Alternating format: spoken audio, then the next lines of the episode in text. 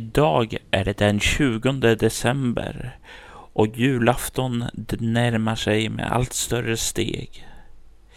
Bakom dagens lucka så får vi besök av Jimmy Ringqvist, mannen bakom gestaltarskiten.se. I den här luckan kommer han att dela med sig lite om sina intryck eh, över hur det är att spela tillsammans med sina barn.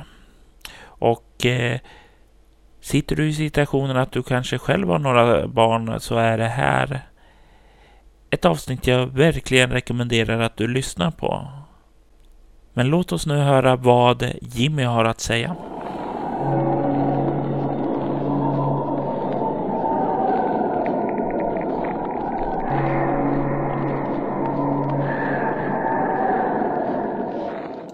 Välkomna till dagens lucka i Bortoms julkalender. Jag heter Jimmy Ringqvist och står bakom bloggen gestaltarskiten.se om kreativa vedermödor. Som främst tar avstamp ur rollspelens världar och relaterade ämnen och intressen.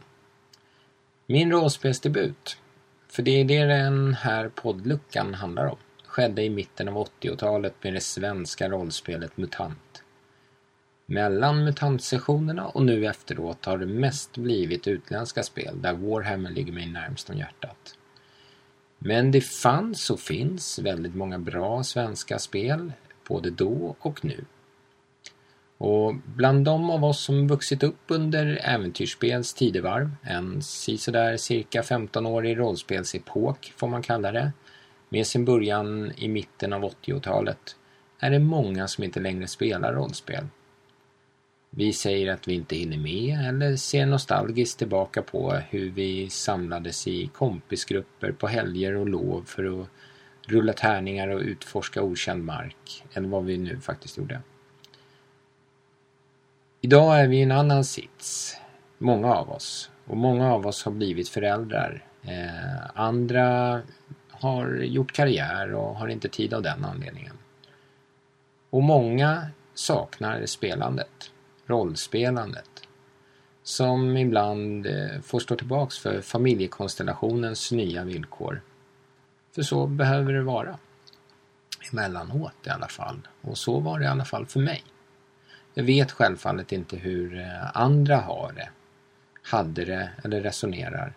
Jag drar mest lite slutsatser från ett tvärsnitt av vanliga kommentarer som jag tycker man har läst eller mötts av eh, genom åren. Att man inte hinner med sin gamla barndomshobby fast man gärna skulle vilja.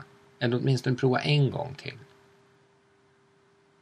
Slående var det hur många som skrev just så i kommentarsfälten till 30-årsjubileende rollspelet Drakar Demoner på Aftonbladets webbplats. Artikeln var den veckan en av de mest lästa på kultursidorna kommentarsfälten fullständigt eh, överöstes av eh, nostalgiska tillbakablickar och betraktelser. Och det är det jag vill prata om egentligen. Att fler borde prova och kanske förändra situationen och ta med hela sin familj in i spelsfären. Visst, vi spelar ju spel tillsammans. Visst, vi kollar recensionerna nu före jul när vi ska köpa ett sällskapsspel. Men kanske ska vi som är rollspelare eller brädspelstokar göra ett verkligt försök och få med oss våra nära och kära i de världar vi verkligen älskar. Och främst då kanske börja med barnen. Eh, barnen älskar ofta spel. Här hemma eh, spelar vi både Carcassonne och Settlers of Catan tillsammans. Två vitt spridda men lite mer avancerade brädspel. Mina barn är då 13, 8 och 6 år gamla. Carcassonne togs emot med entusiastisk glädje eh, men visade sig vara lite svårt för de yngsta så då tog vi bort bönderna ur spelet. Och det här var ett år sedan. Och svårighetsgraden anpassades på ett bra sätt till dem. Idag kan jag få en ganska tuff match när jag spelar med dem. Och så har vi sakta återintroducerat konceptet med bönderna. Och det är hela nyckeln.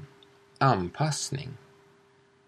Tro inte att de kan smälla upp ett fullfjädrat rollspel inför dina barn och deras vänner och att de ska förstå. Inte ens med dina förklaringar. Utgå istället från barnens egna villkor och förutsättningar. Hitta de gemensamma nämnarna.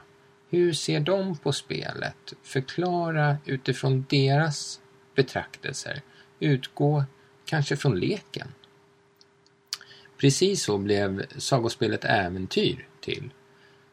Pappan Daniel Leto lekte med sin dotter Julia med figurer, eh, miniatyrer och ett spel växte fram genom åren som de skapade tillsammans utifrån leken. Jag och mina barn provspelade Äventyr för också ungefär ett år sedan och deras förberedelse bestod mest i att vi skulle prova ett nytt spel. Jag sa att det var lite som Barda, den där populära äventyrs eh, slash liveserien på SVTs Barnkanalen. När vi provade äventyr la jag fram tärningar och en karta på spelbordet och förklarade kortfattat om rollfigurens egenskaper. De fattade ganska direkt. Barn är vana vid rolllekar. De använder dem ju nästan i varje lek de deltar i. Det nya är kanske att en förälder faktiskt är med och att man inte behöver ha ytterkläder på sig. Och rulla tärningar, det såg som oerhört intressant. Och för oss har det varit också ett bra sätt för att bryta av berättandet lite för att markera en betydande handling i vårt lilla spelmöte. Men vi slår aldrig mer tärning än vad barnen själva är sugna på. De är så fantastiska berättare så den viktigaste lärdomen som jag fick här var att inte ha så stora planer. Så som man kan ha med sitt reguljära spelgäng. Barn är nämligen väldigt fria i tanken och det är oerhört roligt att låta dem ha initiativet i berättelsen. De studsar upp och spänner bågen och berättar hur de nedkämpar monstret, hur monstret kvider när det är träffat, eller hur tyst de smyger för att inte bli upptäckta när de ska tjuva en viktig nyckel ur vaktkaptenens rum på natten. Barnen gillar olika spelhjälpmedel också. Precis som du och jag. Att de får rollfigursark, skattkort, olika kartor som de förstås fritt får rita på.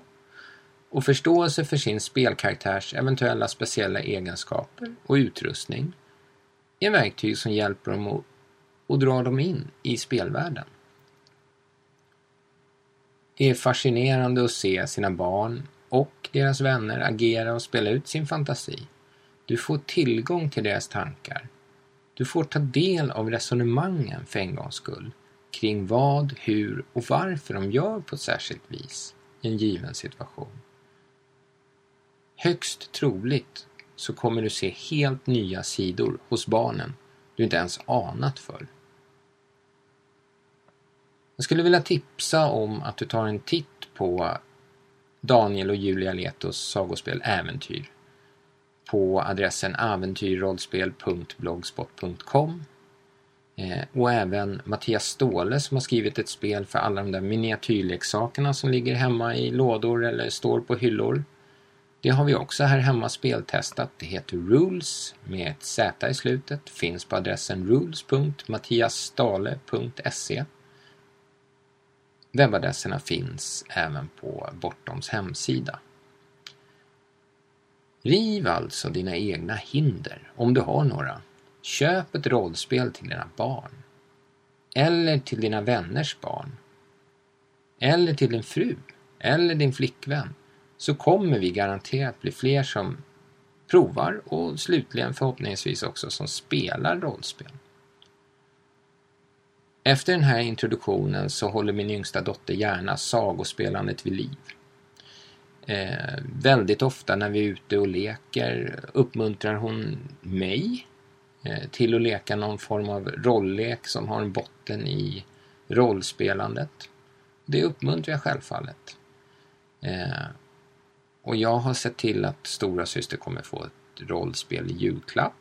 Och där hoppas jag få vara med om båda eh, någon gång i framtiden.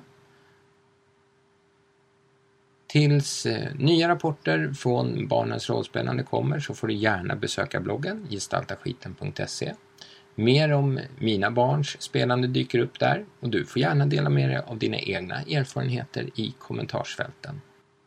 Skulle också vilja rekommendera för den som inte har egna barn att eh, besöka lucka nummer tre där Wilhelm Persson tipsar lite om nybörjarrollspelare du behöver ju faktiskt inte vara barn för att börja första gången. Eh, väldigt bra lucka. Eh, se nu till att ha en riktigt kul speljul allihopa. Då tackar jag för mig och tack för att ni har lyssnat framför allt. Må gott!